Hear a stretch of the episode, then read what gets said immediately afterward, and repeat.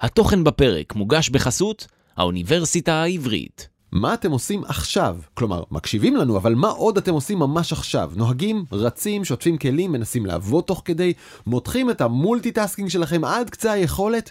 האם יש בכלל לבני אדם יכולת מולטיטאסקינג או שזו פיקציה? אין לנו ממש יכולת לעשות מולטיטאסקינג. בגדול אנחנו לא ממש יכולים לעשות שני דברים בצורה מלאה בו זמנית. ויש לנשים כאן יתרון או שגם זו פיקציה? הן לא יכולות לעשות משהו בו זמנית, אבל אולי הן יכולות להחליף מדבר לדבר מהר יותר, את זה אני לא יודעת.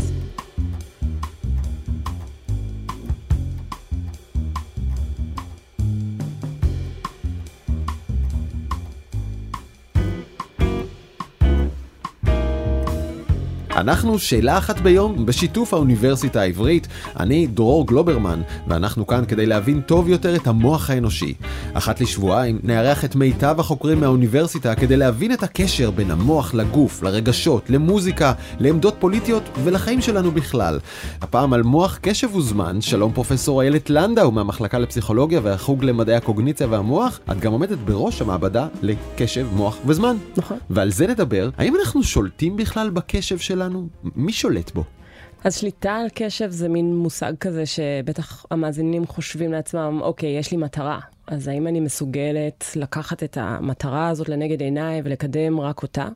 והתשובה על זה היא כן, באופן חלקי אנחנו מסוגלים, בדרך כלל אנשים בריאים יכולים לעשות את זה, אבל כמובן שיש המון המון דברים אחרים ששולטים לנו בקשב. לפעמים זה יכול להיות עוד דברים שהם באים מאיתנו, כמו כל מיני צרכים שיש לנו וכל מיני אותות שאנחנו מקבלים, לא רק מהקוגניציה שמציבה לנו מטרות, אלא גם מהגוף.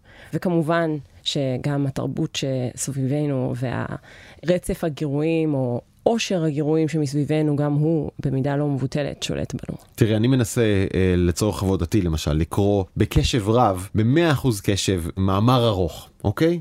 במונחים שלי מאמר ארוך זה 2,000 מילה בניו יורק טיימס, בסדר? קשוח, קשוח. אצלך זה 20 אלף מילה, לא? ותוך כדי אני מוצא את עצמי, מנסה לקרוא מאמר ארוך ומוצא את עצמי גולש לאיזה פיד חסר חשיבות בטיק טוק או באינסטגרם או לא יודע איפה. מה קרה לי? האם אני אדם חלש?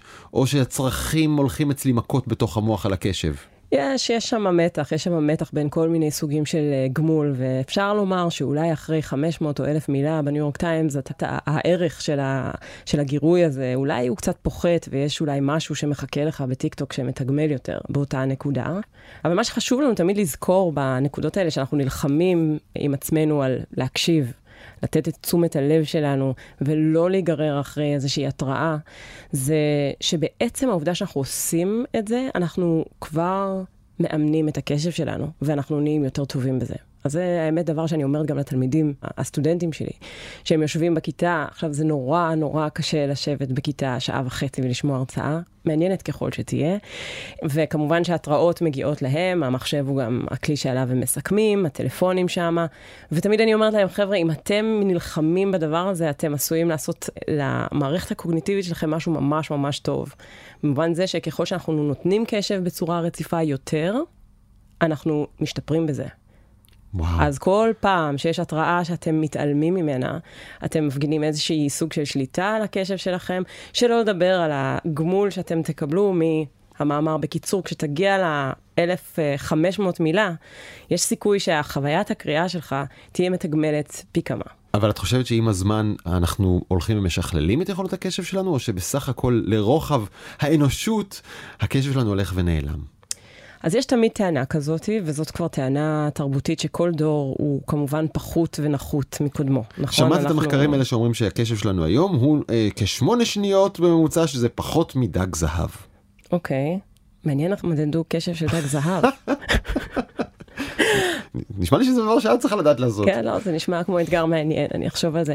לא, אין שאלה בכלל שכמות הגריעה המוצעת לנו היא מטורפת. היא מטורפת ואין תקדים לה, וגם אין בכלל ספק שהאקסלרציה, העומס, העלייה הזאת בעומס היא בקצב מסחרר. זאת כן. אומרת, אז, אז פתאום ב-30 שנה האחרונות, יש פה איזושהי עלייה מטורפת בכמות, ה... בגישה שלנו לגירויים, ובאופן שבו הגירויים האלה יכולים להתחרות על המשאב המאוד מאוד יקר הזה.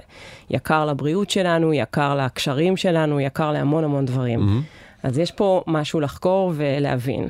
אז תראי, בטח לא יפתיע אותך שאני מאוד רוצה לדבר על מה שקורה לקשב שלנו בשנים האחרונות מול המסכים שמיועדים ללכוד אותו, אבל בואי שנייה נלך אחורה. מה זה בכלל קשב? מהי תשומת לב?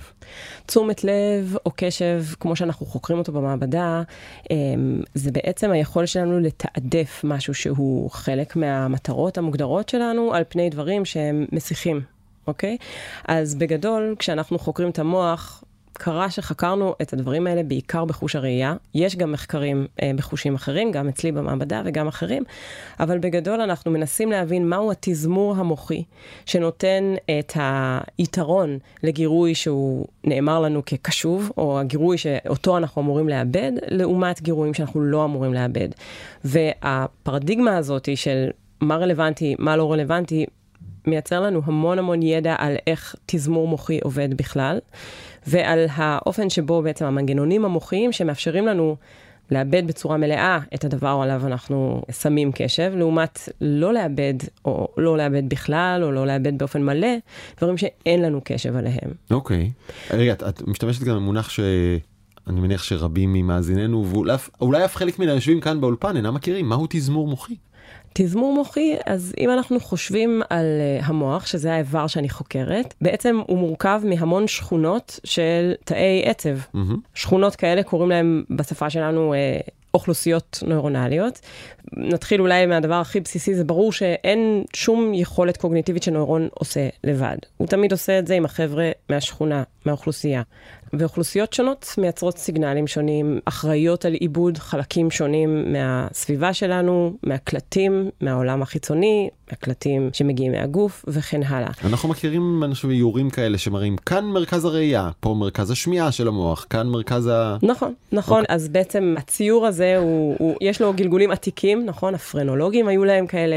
אז יש את המרכזים שאמונים על יכולות שונות. ובגדול, קשב כשאני נותנת קשב למשהו, אז יש המון אזורים שונים במוח שמאבדים את הדבר הזה. ואפשר לנסח ברמה המוחית קשב כבעצם התמסרות של רשת שמאבדת, רשת של שכונות שונות במוח, שמאבדת את הדבר הקשוב. ומה זה אומר? זה אומר שעל אף שאתה תמצא גירוי לא קשוב בייצוג המוחי שלי, הוא יהיה דרדלה. הוא יהיה ייצוג חלקי והוא לא יפעיל רשת שלמה, mm-hmm. אם נרצה.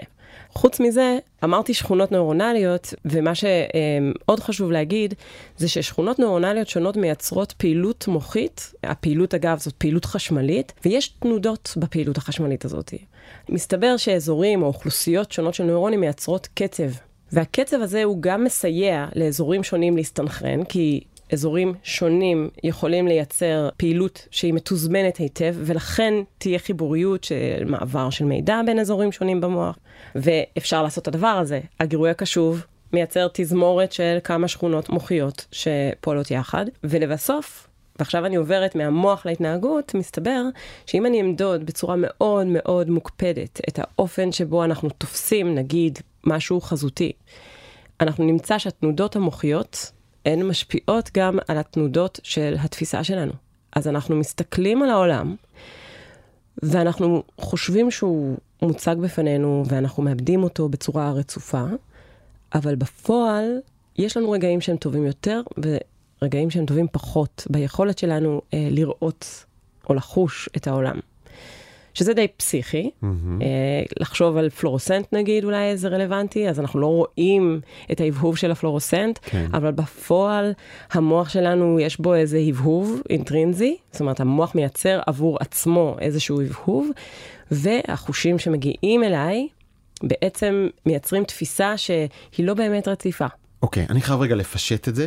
תיאום קצבי של מרכזים במוח. נגיד הוא מתרחש כשאני נמצא באיזה מסיבה, באיזה רייב, ואני גם שומע מוזיקה, גם רואה אורות וגם רוקד בעצמי, והמוח שלי קולט כל מיני אותות מהדי-ג'יי, מהבמה, מהמוזיקה, מהאורות, מהאנשים שסביבי, וגם אני מייצר תגובה פיזית כי אני רוקד. האם זה הרגע שיש סינכרון כזה, או שאני בכלל לא בכיוון? הטרגדיה של המחקר על הדברים האלה, זה שבדרך כלל קשב נחקר בתוך חוש. אבל, אם אנחנו נתמקד בתנודות על פני זמן, בקשב, בעצם יש לנו הזדמנות לחשוב על איך המראות, הוויברציות מהרמקולים, התחושות הפיזיות, המוזיקה שאתה שומע, כולם מצטרפים אירוע שאתה שם עליו קשב, mm-hmm. ובכלל זה אתה עשוי בדיוק לחפש את החבר שלך שתמיד בא עם כובע טמבל ירוק לריבים. משהו כן. מוזר, אבל אוקיי, אתה מחפש את החבר הזה, ואתה יודע שהוא תמיד, תמיד, תמיד יושב ליד הבר. Mm-hmm. אז אתה ברגע הזה מסתכל קדימה, הבר מימינך, הרחבה לשמאלך, וברגע הזה אתה מתעדף את הבר. אתה מתעדף את הבר כי אתה מחפש את המטרה כובע. שלך, את החבר. כן. אז זה האירוע הקשבי, ואני כן מתמקדת בחזותי, כי שם אנחנו יודעים על המנגנונים ועל הרשתות המתוזמרות הללו, אבל יהיה לך במוח ייצוג לבר, שזה כן. מין קו מאוזן כזה, ויהיה שם איזה ברנש, ויהיה לו איזה כובע טמבל ירוק, ואתה תאבד אותו, כי אתה מעוניין להגיע אליו, אתה מעוניין לשוחח איתו, אתה מעוניין לעשות כל מיני דברים. את מדברת על הפרדה של פרט אחד מתוך כל הרקע. בדיוק, נכון? בדיוק. אה, אני מזהה את הפרט הזה, וכמו שאמרת, זה כובע ומאחוריו משהו שטוח. והדי-ג'יי עם החולצה הסגולה, בנקודה הזאת, אולי אתה מאבד אותו, כאילו הוא מגיע לחושים שלך, כן. אבל הוא לא מפעיל את כל הרשת המלאה הזו, הוא לא המטרה שלך כרגע. אה, מי שמפעיל אצלי את כל הרשת עם הקצב הפנימי שלה, זה החבר עם הכובע הירוק. בדיוק. אבל מהו, מה הם המרכזים השונים שביניהם נוצר הסינכרון?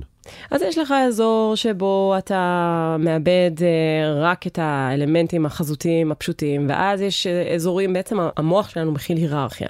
אנחנו מרכיבים את הייצוג שיש לנו למשהו בראייה, הוא רב. יש לך את הייצוג של הצבע, של האוריינטציות השונות, של השם שלו ברמות יותר גבוהות, של אולי גם תחושות שהבן אדם הזה מייצר אצלך. כל מיני דברים. אז כל הידע והאירוע הזה, שהוא אותו חבר שאתה מצפה לו, כן. הם uh, מייצרים המון הפעלה מוחית, וההפעלה המוחית הזאת היא תהיה מסונכרנת. אז יש לך. קצב במקום אחד, יהיה לך קצב במקום אחר, והממסר המוצלח והצליחה של כל ההיררכיה החזותית הזאת, היא תיתמך על ידי העובדה שיש קצב בכל האזורים הללו, וזה סוג של פרוטוקול תקשורת בין אזורים שונים במוח. רגע, ענית שמודדים קצב בהרצים, נכון? זה ממש נכון. תהודה. נכון, כמה תנודות בשנייה? נכון. יש תנודות בשנייה בתוך מרכזים במוח? אפשר, בהחלט. אפשר לספור את זה? אז זה תחום שלם, הוא התחיל לפני 100 שנה על ידי הנס ברגר, שהיה כן. פיזיולוג במזרח גרמניה בשנות ה-20, והוא בעצם התחיל לאפיין פעילות מוחית. הפעילות האנושית המוחית הראשונה שאופיינה, אופיינה על ידי זה שהיו שם קצבים במוח. הוא הביא את הילד שלו למעבדה. הילד השתעמם, שמו לו אלקטרודות על הראש, מה תעשה? יש לך ילד, לא תשים עליו אלקטרודות. חד משמעית, אינסטינקט. מה אתם עושים הקיץ? אמ, אז הוא בעצם אה, יצר הקלטות של הפעילות המוחית, ומה שהוא שם לב זה שיש תדרים, תדרים שבהם יש הפעלה. מוחית אה, רבה יותר. את המחקר הזה כמובן כבר אה, שכללו, ואנחנו יודעים למדוד את זה גם אצלי במעבדה, אבל גם בבעלי חיים מודדים את הדברים האלה. ויש המון קצבים שונים במוח. הספרות בעצם מלאה במחקר שמנסה להראות מה התפקיד של קצבים שונים בתקשורת בין אזורים, בממסר של מידע שמגיע מבחוץ, לעומת ממסר של מידע דווקא של, של התארגנות פנימית מוחית, שמייצרת את המטרות, שמנווטת את הספינה הנוירונלית הזו. אז. אז יש כל מיני קצבים. רגע, על איזה, על איזה קצבים אנחנו מדברים? כאילו כמה הרץ, תנודה בשנייה, חמש תנודות בשנייה, זה מחובר לאיזושהי מציאות רגשית, אני מתרגש יותר אז זה יותר, פחות אז פחות. אז אני אדבר על שני קצבים. כן. הקצב הבסיסי שככה הצליח להביא את החבר, לא נתנו לו שם, החבר שם בבר עם. הכובע, רונן. אז רונן מצליח להפעיל את כל הרשת כי הוא בא מבחוץ בגדול. יש לך מטרה, אבל הקלט שלו מגיע מבחוץ, והתדרים שאופייניים לעיבוד של גירויים מבחוץ, זה תדרים גבוהים, 30, 40, 50 הרץ. אוקיי. אבל התדר שבו אתה מחפש אותו, השליטה הקשבית שלך מייצרת באותן רשתות איזשהו תדר איטי יותר, בסביבות ה-10-8 הרץ, אוקיי? אוקיי. אז כשדיברתי על החוויה שלנו שהיא לא רציפה, התייחסתי דווקא לדבר הזה של יש תדר, בעיקר באופנות החזותית, אבל לא רק, כשאנחנו רואים, כשאנחנו מודדים, אנחנו רואים תדר של משהו כמו 8-10 הרץ, וכשאנחנו מודדים את של היכולת... מה? של ממש פולסים חשמליים? ש- זה, זה גרף מתח של- שמשתנה, מ- זה תחשוב סינוס. תחשוב סינוס של עולה אה, יורד. 8 הרץ, עולה יורד. ממש מדיד. מדיד מהצד השני של החדר, זה הסיגנל הכי גדול שאפשר למדוד. מ- זה מה- הגלי האלפא האלה, זה ככה וואלה, קוראים להם, גלי הש- אלפא. מהצד השני של החדר? אם עכשיו פה החבר'ה שעושים את הסאונד, האם כן. שמים להם אלקטרודות ומראים את הסיגנלים שלהם על המסך כן. שם, כן. רחוק, רחוק, הייתי רואה מכאן את גלי האלפא. לכן קוראים לזה אלפא. כי זה הגל הכי גדול. וואו, ויש משמעות לסינכרון בין אנשים שונים כשהם מדברים. אם אני מדבר איתך עכשיו, אז קורה סינכרון בין גלי המוח שלנו שהמצאתי עכשיו. וואי, נושא מרתק. כן. סינכרון בדיבור זה דבר מאוד מאוד מרתק, אבל זה שוב מחלקה חדשה של קצבים, אוקיי. אוקיי? כשאתה מדבר, אתה משחרר הברות פחות או יותר בקצב של 5 הרץ. באמת. כך קרה. ניקח את חמש, האקוסטיקה, חמש בשנייה כאילו? משהו כזה. הבהרה ממוצעת נמשכת משהו כמו 200 אלפיות שנייה. אוקיי, חמש בשנייה. חמש אגב, בשנייה. אצל קריינים מקובל לומר שאנחנו מסוגלים לקריין שתי מילים בשנייה. שאני כבר מחשב את זה קצת אחרת, כי אנחנו מדברים טיפה יותר מהר, אז זה 2.1 או 2.2 מילים בשנייה. וכשאני כותב לעצמי טקסט, פתיח לתוכנית, ויש בו 290 מילה, אז אני יודע שזה הולך לקחת שתי דקות וקצת, אוקיי? או שתי דקות היום. אז את בעצם מפרקת את זה עוד יותר. אז אני מפרקת את זה עוד יותר. קודם כל, בואו נדבר על זה שמילה זה לא יחידה כל כך טובה להתממשק איתה. מה? זאת אומרת, קודם כל, אני הייתי רוצה שכל דבר שאנחנו מדברים על קריינים פה בישראל יהיה גם נכון, לדוגמה, לקריינים בגרמניה, נכון? אוקיי. אה, ושם אתה יש להם רוצה להתחיל מילים- להשוות, לספור לך הבהרות במילה בעברית לעומת במילה בגרמנית? לא, אלא יש שם מילים עם 11 ו-13 העברות. אז מה, אז עכשיו כל הקריינות שלהם נמשכת יותר? לא יודע. אז בוא אני אתן לך קצת. לא קריינתי בגרמנית בזמן האחרון. לא קריינת בגרמנית, כן. וזה אופציה. התשובה היא, היא קודם כל הבהרות, זאת אומרת, זה הדבר שבאמת נחקר המון, ואנחנו יודעים שבאמת זה משהו כמו חמש הבהרות בשנייה.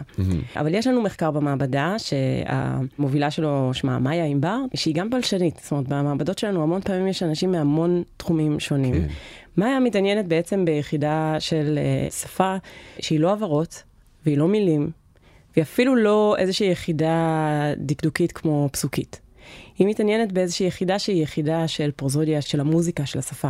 מה זה פרוזודיה של השפה? אה, פרוזודיה של השפה זה המוזיקה של השפה, ובעברית? צחה, כן. אנחנו נאמר יחידות הנגנה. את יכולה לדגמן? אנחנו עושים את זה כל הזמן. עכשיו? כל הזמן. כל הזמן אנחנו... זוהי הנגנה? זוהי הנגנה. ולהנגנה יש קצב של הרץ אחד. אוקיי. את רוצה שאני אביא לך תה? זוהי הנגנה? זוהי הנגנה, אבל אין לך דרך לדבר, כלומר, אלא אם כן אתה אה, machine generated אה, speech, כן. ואתה גם משהו כזה מסרטי sci-fi של שנות ה-80, אז אתה לא יודע לייצר שפה בלי הנגנה, ואני אגיד לך יותר מזה. אה, בלי עכשיו- הנגנה זה כאילו, אני הולך עכשיו אל ה...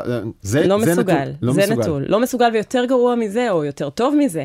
אם אני אשמיע לך טקסט בלי הנגנה, אתה תלביש עליו הנגנה מהמוח שלך. וואו. כי אם הבנת את זה כשאלה, אתה עשוי להנחית שם איזה עלייה בפיץ'. עכשיו זה קונטקסט תרבותי, הוא משתנה לפי מדינה, שפה, נכון, תרבויות מסוימות, מדברים ככה, מדברים אחרת. אצל הסינים נדמה לי זה חלק מה... יש שם עוד, מהמשמעות ממש. עוד מכניסים עוד משהו שם לטונאליות, נכון? נכון? נכון. אז מה היא אבל החוקרת? לא את המילים ולא את העברות ולא את המשפטים, אלא בכלל רק את המוזיקה שאתה את המוזיקה. של השפה, נכון. לא רק מאיה, יש תחומים שלמים של אנשים שחוקרים פרוזודיה, אבל מאיה ממש מתעסקת בשאלה שקשורה ליחידות הנגנה, ובעצם מה שהיא מצאה, לא רק בעברית, אלא בשפות רבות, יש משהו אוניברסלי.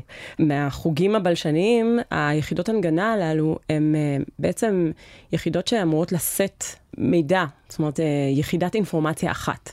זה בעצם הדרך הכי טובה שמצליחים להבין את היחידות הללו, כי כמו שאתה יודע, אינפורמציה יכולה להתקפל לשתי מילים, ל-20 מילה, זאת אומרת, אינפורמציה זה דבר שהוא מאוד אה, פלואידי. אוקיי? בתוך המשפט. בתוך משפט. הוא לא מתמפה על דקדוק, אוקיי? אבל הוא כן, כנראה, מתמפה על המוזיקה של השפה שלנו, והדבר הזה הוא משותף לשפות שונות. קצב. איך מייצרים חלב מתורבת? מה קורה לנו במוח במצבי לחץ ומתח? ומה הקשר בין התחממות גלובלית למלחמות? תנו למומחים של האוניברסיטה העברית לענות על כל השאלות. HUJI-Cast, הפודקאסט של האוניברסיטה העברית. מיטב החוקרים והחוקרות בשיחות מרתקות על תגליות מדעיות ופריצות דרך שישנו לכולנו את החיים. HUJI-Cast, האזינו בפלטפורמות ההסכתים ובאתר האוניברסיטה העברית. אז אתה שאלת אותי, אני לא זוכרת איך הגענו לפה. הגענו לזה מהשאלה על סנכרון בין המוחות שלנו, נכון. האם כשאנחנו מדברים אה, יש זה לא איזה- נגמר בזה. כן. כן? כי אני ייצרתי קשב, והשתמשתי במוח שלי. אז המוח שלי סיפרנו כבר שאוכלוסיות של נוירונים מייצרות קצב, והשפה שלי מתארגנת באינפורמציה ומתרגמת אחר כך להפעלה של שרירים וחיתוך דיבור וכל הטוב הזה, וזה מתארגן על חמש הרץ, והחמש הרץ הזה מגיע מהמוח שלי. עכשיו, החמש הרץ הזה מגיע לאוזניים שלך, כן. ואז הוא מסיע את המוח שלך עם החמש הרץ הזה. אוקיי? Okay. של ההעברות הללו, ואנחנו נטען גם של האחד הרץ, כי המוזיקה של השפה שלי מגיעה פחות או יותר באיזה קצב כזה של אחת לשנייה. Mm-hmm. אז המוח מייצר את הקצב, ויש איזה מוח אחר שמקבל את הקצב, ובין אם הוא רוצה או לא, מסתנכרן אליו. ממש אפשר להוכיח את זה מחקרית. אה, אנחנו מודדים את זה. כשאנחנו מדברים, אז המוח שלנו... יש עקיבה של המוח שמבטאת את הקצב שאני הפקתי. אתה, אם היו לנו אלקטרודות עכשיו באזורים שמיעתיים, mm-hmm. אז סביר שהיינו רואים שמה שהאקוסטיקה שלי מסיעה את הפעילות המוחית שלך. זה סינכרון ברמה הכי בסיסית שיש. Yo. זה מה שקורה עם מוזיקה כמובן, זו mm-hmm. עוד דוגמה מאוד מאוד uh, פשוטה, ובדיבור זה קורה כל הזמן. כמובן שבדיבור יש לנו משימה הרבה יותר מורכבת, נכון? כי אנחנו צריכים גם לקחת תור ותור ולעשות עוד כל מיני דברים, אבל הסיפור הזה בעצם, הבסיס שלו זה הסינכרון. הסינכרון בין המוחות שלנו. ואפילו בתוך המוח של כל אחד מאיתנו, היכולת של אזורים שונים לבטא ולקיים ולייצר קצבים. אני אגזים אם אני אלך לכיוון של לשאול האם יש קשר בין דינמיקה אישית, חברית, זוגית, שמחובר לתדר הזה? כלומר, אם אנחנו לא מסתדרים כל כך טוב כחברים או כזוג, האם זה יכול, כן, להיות מובע גם בתדרים האלה שאינם מסתנכרנים כמו שצריך? אז נורא מעניין לחשוב, וזה דבר שאנחנו מודדים אותו במעבדה, על ההבדלים שיש. ההבדלים הבין אישיים ביכולת לעקוב. כשאני אומרת, mm-hmm. מה זה היכולת לעקוב? אז ברור שכשאומרים, אני עוקב, אני לא עוקב, זה כאילו הבנתי, לא הבנתי. נכון. אבל אני יכולה לשים כובע של אלקטרודות על הראש שלך, ולבדוק כמה טוב, או מה האיכות של העקיבה לדיבור שלי. אני יכולה להביא פה עוד חמישה דוברים שונים, ולבדוק מה האיכות של העקיבה שלך לדוברים השונים, ואפשר לחשוב מחקר כזה, שינסה לראות האם יש משהו ייחודי בעקיבה שלך ולאור האיכות של האקוסטיקה שאני מייצרת, mm-hmm. אל מול עקיבה של אה, דוברים אחרים. מחקר אחר במעבדה שואל את הדבר הזה מכיוון טיפה שונה, שבעצם אנחנו מנסים uh, למדוד את הקצבים המוטוריים הטבעיים שיש לאנשים שונים. ובעוד שהספרות ככה מסתפקת בזה שאם אתה צריך לתופף, אתה רוצה לתופף קצת על המיקרופון? זה מקצב מורכב, תן לי איזה איזוכרוני כזה. אוקיי, okay, אז המשימה הזו משימה סופר ישנה, המון נוירולוגים התנהגותיים השתמשו בהם. ומה קורה עם זה? ותמיד היה איזה מין כזה, כולם עושים בשני הרץ. זה מה שתמיד אמרו. וואלה. כולם מתופפים בשני הרץ. עכשיו, זה פחות או יותר נכון ברמת האוכלוסייה. כן. אבל יש כאלה שעושים קצת יותר מהר, ויש כאלה שעושים קצת פחות מהר. אני עשיתי גם כן לא רחוק בשני הרץ, אני חושב טיפה יותר לאט, אבל עשיתי גם. עכשיו, אתה גם מוזיקאי בכלל, כן. אז אתה כאילו אוכלוסייה קצת מיוחדת, אוקיי. אבל בציבור הרחב, רוב האנשים באמת הם לא רחוקים משני הרץ, אבל יש איזשהו פיזור. Mm-hmm. ומחקר אחר, שנערך במעבדה על ידי אה, עוד חוקרת, אה, לאה, בעצם שואל שאלה מאוד מאוד בסיסית, ומנסה לקשור בין הקצבים הספונטניים, המוטוריים האלה, ליכולות קוגניטיביות, אישיות, וגם ליכולות קוגניטיביות בין אישיות. אז מצאנו באמת את השני הרץ הזה, אבל מצאנו פיזור לא מבוטל סביב השני הרץ. יש אנשים שהם קצת יותר מהירים, יש אנשים שהם קצת יותר איטיים. בדקנו האם זו תכונה קבועה, כי יכול להיות שעכשיו ביקשתי ממך, קיבלנו שני mm. הרץ, ומחר אני אבקש ממך ונקבל שלוש. כן. מסתבר שאם אני אגיע לפה מחר ואבקש ממך שוב לתופף לתוך המיקרופון, אתה תייצר כנראה את אותו הקצב. אוקיי. Okay. אם אני אתן לך איזו אפליקציה שתמדוד את הקצב של ההליכה שלך, או את הקצב של ההנהון של הראש שלך, או את הקצב שאתה קופץ על כדור פילאטיס, אז מסתבר שזה לא בדיוק אותו קצב, כי זו פעולה מאוד שונה, אבל אם היית קצת מהיר בהתפלגות של הטיפוף, אתה תהיה קצת מהיר בהליכה, אתה תהיה מהיר קצת בקפיצה על כדור okay. אוקיי. פילאטיס. אוקיי? אז הדבר הזה הוא תכונה, זו תכונה שאתה מסתובב איתה. עכשיו אפשר לשאול, רגע, רגע, רגע, רגע, מה זה אומר לגבי היכולת שלי להיות באינטראקציה, או לעשות איזושהי פעולה מסונכרנת עם מישהו או מישהי אחרים? אז אנחנו נכניס אותך לחדר, ונביא עוד מישהו, ונבקש מכם לתופף יחד. Mm-hmm. עכשיו, מה שמעניין זה שקורים שני דברים. כשאתם מתופפים ביחד, קודם כל, הדבר המעניין הוא שגם אם היית בחמש הרץ, אם היית סופר סופר מהיר, אתה נכנס, אתה פוגש מישהו שאתה לא מכיר בפעם הראשונה, אתה הולך לשני הרץ. וואו. אוקיי? עכשיו, זה העולם, אנחנו יודעים שהעולם הוא לא רחוק משני הרץ בטיפוף הטבעי, בקצב הספונטני, המוטורי. אז אתה בעצם עושה איזושהי עבודה כזו סטטיסטית, זאת אומרת, טוב, זה מישהו שאני לא מכיר. הסתברותית, הוא כנראה פחות או יותר בשני הרץ, ולשם אתה הולך, אוקיי? הדבר השני שבעצם הצלחנו לראות זה שעל אף שאתה מגיע לשכונה שבה רוב האוכלוסייה נמצאת, וזה לא משנה אם היית מהיר יותר או איטי יותר, כשאתם תתופפו יחד, עדיין אנחנו נצליח לזהות את טביעת האצבע הקצבית שלך. כלומר, היית מהיר יותר, אז גם בטווח המצומצם הזה שהצטמצמת עליו, אתה עדיין קצת יותר מהיר. אז זה ככה ברמה הבין-אישית, אנשים יודעים להסתנכרן, יש לנו גמישות, אנחנו יודעים לעשות הרבה מאוד קצבים, אבל יש לנו גם טבע. והטבע הזה הוא בא לידי ביטוי. אפשר לשאול שאלה נוספת על, אוקיי, אז uh, הבאתי לך משתתף אחד שהיה בקצב דומה לך, לעומת משתתף אחר שהוא בקצב לגמרי שונה. האם יש משהו שהוא שונה באיכות של החוויה המשותפת שלכם?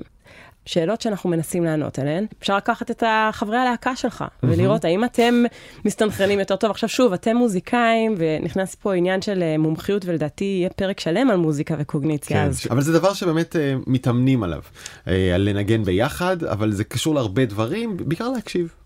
זהו, וזה כמובן רק טיפוף. במעבדה אנחנו בונים uh, מערכים די מטורפים שמאפשרים בעצם uh, עקיבה אחר תנועה משותפת של שני אנשים, שמייצרים תנועה יותר מורכבת, וגם בפעם הראשונה בעצם במחקר, מאז שפתחתי את המעבדה, אנחנו מתחילים גם לשאול שאלות על החוויה הסובייקטיבית. זאת אומרת, סבבה, אנחנו גמישים, אבל האם זה בא במחיר? האם אני, אם אני מצויה באינטראקציה עם מישהו שהוא יותר דומה לי, mm-hmm. או לחילופין יותר שונה ממני, האם יש איזשהן איכויות מיוחדות שבאות לידי ביטוי? תשובה פרלימינרית כבר יש? אנחנו ממש בהתחלה, אבל אני רק אקח את זה עוד צעד אחד, ניתן אה, למאיה לעבוד ביחד עם לאה ונשאל רגע, אז האם העקיבה אחר הדיבור של האנשים שנמצאים בקצבים מוטוריים דומים יותר, תהיה טובה יותר, mm-hmm. או הפוך, דווקא השונים, תהיה שם עקיבה יותר טובה. זאת אומרת, אפשר לשאול את השאלות גם אה, על מוטוריקה ברמה הכי פשוטה. אני זוכר חוויה עם uh, חבר, ישבתי עם חבר ואכלנו.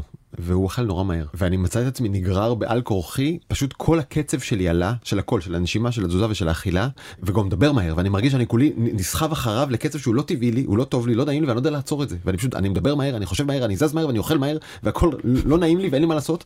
ואחר כך הלכתי וניסיתי לבדוק את זה והבנתי שזה אולי בכלל בא מאיזשהו אינסטינקט קדום של בעולם של אה, מחסור במשאבים אם מישהו אוכל יותר מהר לך לא יישאר אז אה, speed אבל יכול להיות שזה גם מתחבר למה שאת מדברת עליו? כן, כן? זאת אומרת אתה הסתכלת על מישהו שנושם יותר מהר, מדבר, משחרר הברות יותר מהר, ופועל כאילו מול העיניים שלך, זאת אומרת, המון המון המון cue ים של קצב אה, הסיעו את המוח שלך. כן. עכשיו אפשר לשאול, אוקיי, האם משהו ביכולת חברתית ישים אותך חשוף יותר להיגרר, או חשוף פחות להיגרר אחר קצב של מישהו אחר, או אולי משהו ספציפי, אולי רונן, עם הכובע טמבל, בבוקר שאחרי המסיבה, מזיז אותך יותר מהר אה, מבן אדם אחר. זאת אומרת, כן. אני חושבת שיש פה פתח להמון שאלות, אה, חלקן אנחנו חוקרים, חלקם זה שאלות שהן ממש בתחום של פסיכולוגיה חברתית, ויהיה מאוד מעניין לשתף פעולה עם אנשים שחושבים על הדברים האלה. אני אגיד לך איזה אאוטפוט אני צריך מהמחקר שלכם. את הדרך הנכונה להפעיל ילדים יותר מהר בבוקר. בסדר? צחצחת כבר שיניים? נו, מה קורה? זה, בסדר? איך עושים את זה? אבל הקצב הספונטני של ילדים הוא איטי יותר. וואלה. זאת אומרת, זה לא נכון, הם פחות יציבים. הם פחות יציבים עם הקצב שלהם. כל העסק שם עדיין בעיצוב. אני רוצה... אולי לשלוח לשיעור בתופים. אולי תרום כלי, תרום כלי. anyway, דבר שכבר כן הגעתם בו למסקנות, זה מרתק, זה העובדה שאנשים תופסים זמן אחרת. כלומר, השנייה שלי איננה השנייה שלך. נכון. וגם יותר מזה, השנייה שלך ברגע נתון עשויה להיות מאוד שונה מהשנייה שלך ברגע אחר. דיברנו לפני כן על יציבות של קצבים והמערכות המוטוריות שלנו, אבל כשאנחנו עושים את התהליך הקוגניטיבי של להגיד כמה זמן עבר, אז התשובה שאנחנו נחווה היא תהיה מאוד שונה. כן. בהתאם למה שעשינו בזמן הזה. אגב, זה, יכול להיות שזה קשור לעידן של המאה, 150 שנה האחרונות שלכולם יש שעון על היד? כי לפני שהיה לכולם שעון יד, חוש הזמן הפנימי שלנו היה הרבה יותר חזק. היינו צריכים להבין את הזמן, כי לא היה לנו דרך לס... היה, היה שעון אחד במגדל של הכנסייה. כן. אבל מאז שאין אותו, ויש לכל אחד זה, אז, אז חוש הטבעי שלי נחלש, אני לא זקוק לו יותר. מעניין. אני דווקא מדברת על זמנים מאוד מאוד קצרים של שניות, okay. אוקיי. ספורות, זמנים שאני קוראת להם זמנים תפיסתיים. אז אם משהו בתוכן הנתפס הוא יותר מפעיל, יותר עשיר, אז סביר שיהיה לזה תג מחיר זמני שונה מאשר אם אתה מסתכל על משהו מאוד מאוד משעמם. אוקיי. Okay. ופה אני חושבת שההטיות האלה כנראה... מה שנקרא, הזמן, הזמן חולף מהר כשנהנים. כזה מין, אבל באיזשהו מובן, שוב, בגלל שאנחנו בזמן תפיסתי של כמה שניות, אז זה דווקא עובד הפוך. מה? קצת להתבלבל, כן, בואו נתבלבל קצת ביחד. Okay. הזמן חולף מהר כשנהנים, אה, אני חושבת מדבר על סקלות של, אה, של דקות ארוכות, שעות, ובאמת מה קורה בסוף יום, איך חווינו את היום. והזמנים האלה, אני אטען, קשורים באמת לאופן שבו אנחנו עושים סגמנטציה ליום, איך אנחנו מחלקים את היום לדברים שונים שקרו לנו, ואיך אנחנו חווים אירועים, אני קוראת להם אירועים ביוגרפיים, זאת אומרת, הדברים שקשורים בין מקום לזמן, ובעצם הדברים שמייצרים את הזיכרונות שלנו. Mm-hmm. אנחנו במעבדה מתעסקים גם בעוד זמן בסקאלה הרבה יותר מהירה, שזה הזמן של כמה שניות. ובכמה שניות, מסתבר שאם אני שמה יותר דברים בשנייה, אז דווקא החוויה שלי היא שעבר יותר זמן.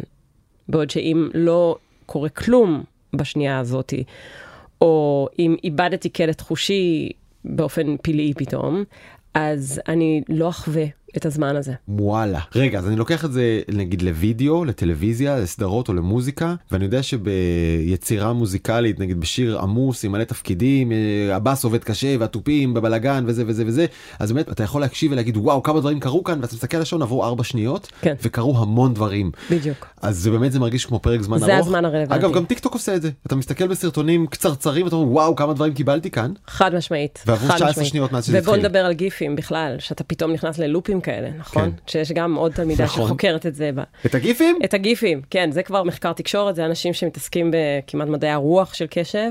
אה, איך זה קשור למצמוצים? אז דיברתי על זה שבאורח פלאי אנחנו מאבדים קלט חושי פתאום.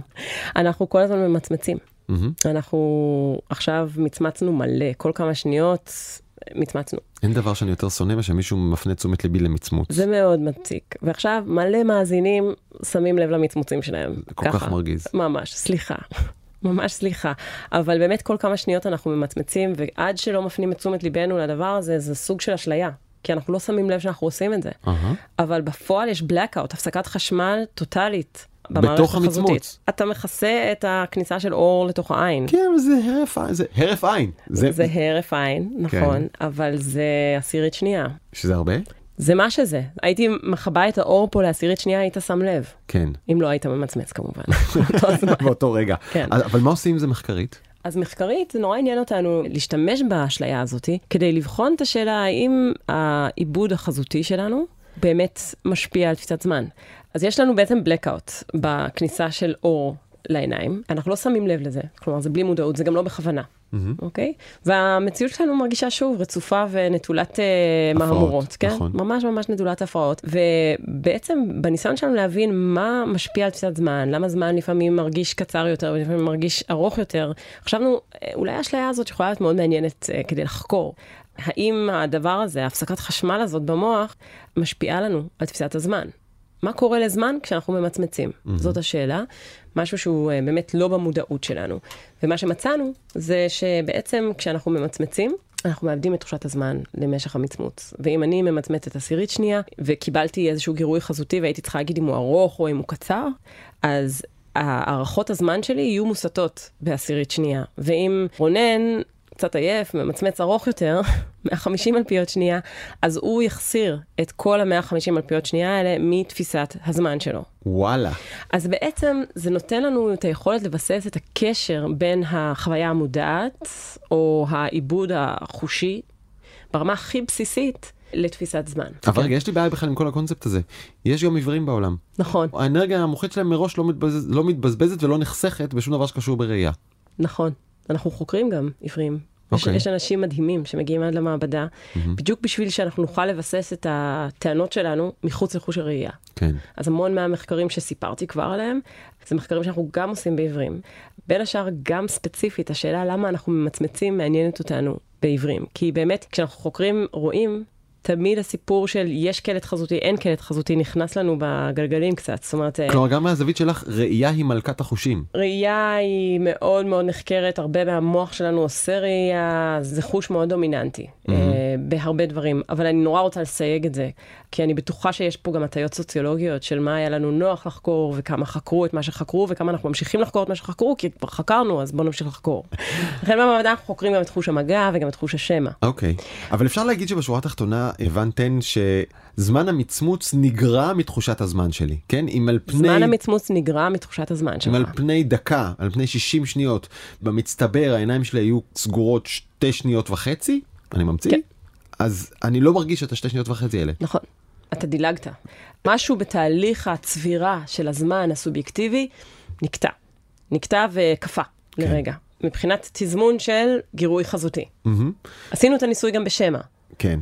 אז אם האוזניים שלך פקוחות לרווחה, שזה בדרך כלל המצב, אין לנו שליטה כזאת על האוזניים, כן. אז אין, אנחנו לא גורעים את הזמן הזה. אבל אם אתה מתזמן משהו חזותי, והיה לך לרגע הפסקת חשמל, שאינה במודעות שלך, אתה גורע את הזמן הזה, אתה לא חווית את הזמן הזה, ולכן הזמן נחווה כקצר יותר.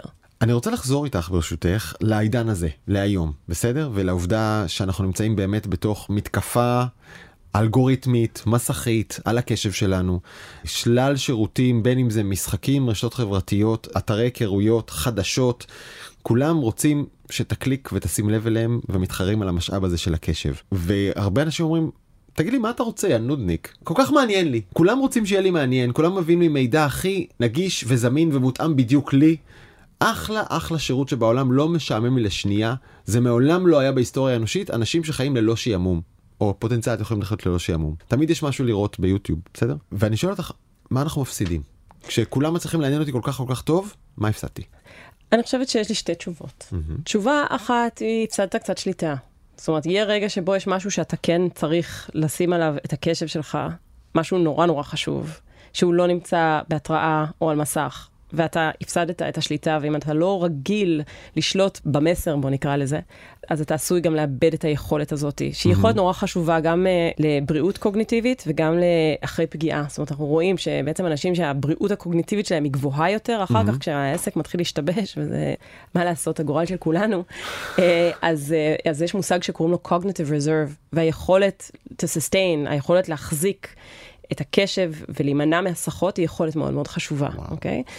ואפשר לחשוב על זה במונחים של flow, זאת אומרת, אפשר לחשוב על תהליכים שהם יותר יצירתיים, או תהליכים שהם יותר מעמיקים, שבעצם הם נקטעים אם אנחנו כל הזמן קופצים מדבר לדבר. כן יש איך לשמר את ה flow הזה יש איך לשלוט בקשב שלי יותר טוב. אז אנחנו באמת, כמו שאמרתי, יש מחקרים, לא רק שלנו, שבאמת מדברים על, ה, על הדבר הזה של להתאמן על השליטה. יש לי סייג אבל, כן. על הפספוס, כן? אז אני אגיד אותו עוד רגע. וגם במעבדה, אנחנו בעצם מנסים אה, לחשוב על דרכים מההבנה שלנו של איך המוח עובד, לייצר סביבות או גירויים שהם ברקע. שאולי יכולים לעזור למקסם את, ה, את הפלואו הזה. ויש לנו דרכים למדוד פלואו במעבדה, זה דברים שאנחנו חוקרים אותם. אז זה דבר אחד. אבל אני כן רוצה להגיד דבר קטן בשבחי האימפולסיביות. אוקיי. אוקיי? בדוקטורט עסקתי הרבה בקשב רצוני לעומת קשב לא רצוני. ובעצם מה שמצאתי זה שבעוד שאנשים שהם מאוד אה, בשליטה, שיש להם אימפולסיביות מאוד נמוכה, יכולים להזיז את הקשב מהר יותר, לשלוט, להתעלם מגירויים וכן הלאה, היה יתרון אחד לאנשים שהיו גבוהים קצת יותר באימפולסיביות. וזה כששתלנו רמזים שהיה להם איזושהי אינפורמציה שיכלו לתת יתרון, אבל לא הוגדרו ככאלה, האנשים שהיו קצת בפחות שליטה, הם יכלו להפיק יותר מידע מהסביבה. Mm. הם עשו שימוש במידע לא מפורש שהיה בגירויים הנורא משעממים שאנחנו הצגנו, אבל אם נחזור שוב לשפה, או אם נחזור שוב למוזיקה, או לכל מיני דברים שאנחנו לומדים, הרבה פעמים הידע שלנו על שפה, על איזה מילה הולכת אחרי איזה מילה וכן הלאה, זה לא מידע מפורש. אף אחד לא לימד אותנו את כל רצפי המילים שאנחנו יודעים. והדבר הזה של להיות יכולים לשחרר טיפה את השליטה ולהיות חשופים לסטטיסטיקה של הסביבה שלנו, הוא גם יכול להיות מועיל. אז כמו שאתה רואה, העולם הוא מורכב, אנחנו צריכים קצת לשלוט, קצת לתת לעצמנו את היכולת ואת ה... לאמן את השריר של השליטה הקוגניטיבית בשביל לתת לעצמנו מצבים של flow וריכוז, אבל גם כדאי שאנחנו נשמור פילטר פתוח בשביל מידע שאולי הוא שימושי. אני אגיד לך שהטריק שלי בשביל להצליח להשתלט על הקשב שלי זה פשוט לפתוח מיקרופון עם אנשים ונשים חכמות ומרתקות, ואז אני מוצא את עצמי מקשיב לפרק זמן ארוך, זה לא קורה בחיים הרגילים שלי. אני צריך שיהיה אה, מצלמה או מיקרופון או משהו, זה הטריק שלי. בחרת... בחרתי במקצוע המתאים. אני אשאל אותך, מה את לקחת לחיים שלך? הפרטיים מכל המחקר האדיר הזה שאת עושה סביב מוח וקשב, הלא גם לך יש מוח ויש לך קשב ויש לך סביבה. לקחת משהו, שינית משהו בחיים שלך? אני עושה הרבה ניסויים על הדברים האלה, ואני אוהבת לעסוק באובזרבציה של, ה, של הדבר הזה. אני חושבת שאחת הסיבות שבאתי לחקור קשב וזמן, זה בגלל ש... היה ברור לי שזה לא משימה של חוש אחד. אני חושבת שהחוויה החושית היא דבר מאוד מאוד עשיר. ואם אנחנו חוקרים דברים כלליים, דיברת לפני כן על המסיבה, ועל הוויברציות מהרמקול, ועל המוזיקה, ועל שלל הגירויים שמגיעים. אז אני חושבת שאני אוהבת להתבונן במציאות על המורכבות שבה, והבחירה שלי לחקור קשב וזמן קשורה לעובדה שאני מאוד נהנית לצאת מהקורטקס החזותי, להתחיל לחקור מגע, להתחיל לחקור שמע, להבין איך הדברים קשורים, וגם זמן כמימד. מאפשר לנו לעשות את השילובים האלה. אפשר לחשוב על איך דברים מסתנכרנים בין חושים. כשאנחנו חושבים על זמן, ואפשר לחשוב על תזמור מוחי הרבה יותר נרחב. לא יודעת אם זה עונה על השאלה, אבל... אה, אני לוקח את התשובה הזאת לחשוב עליה בבית. פרופסור אלית לנדו מהאוניברסיטה העברית, תודה רבה. תודה לך. וזה היה שאלה אחת ביום. העורך שלנו הוא בר כץ, אני דרור גלוברמן, ואנחנו נהיה כאן שוב גם בעוד שבועיים.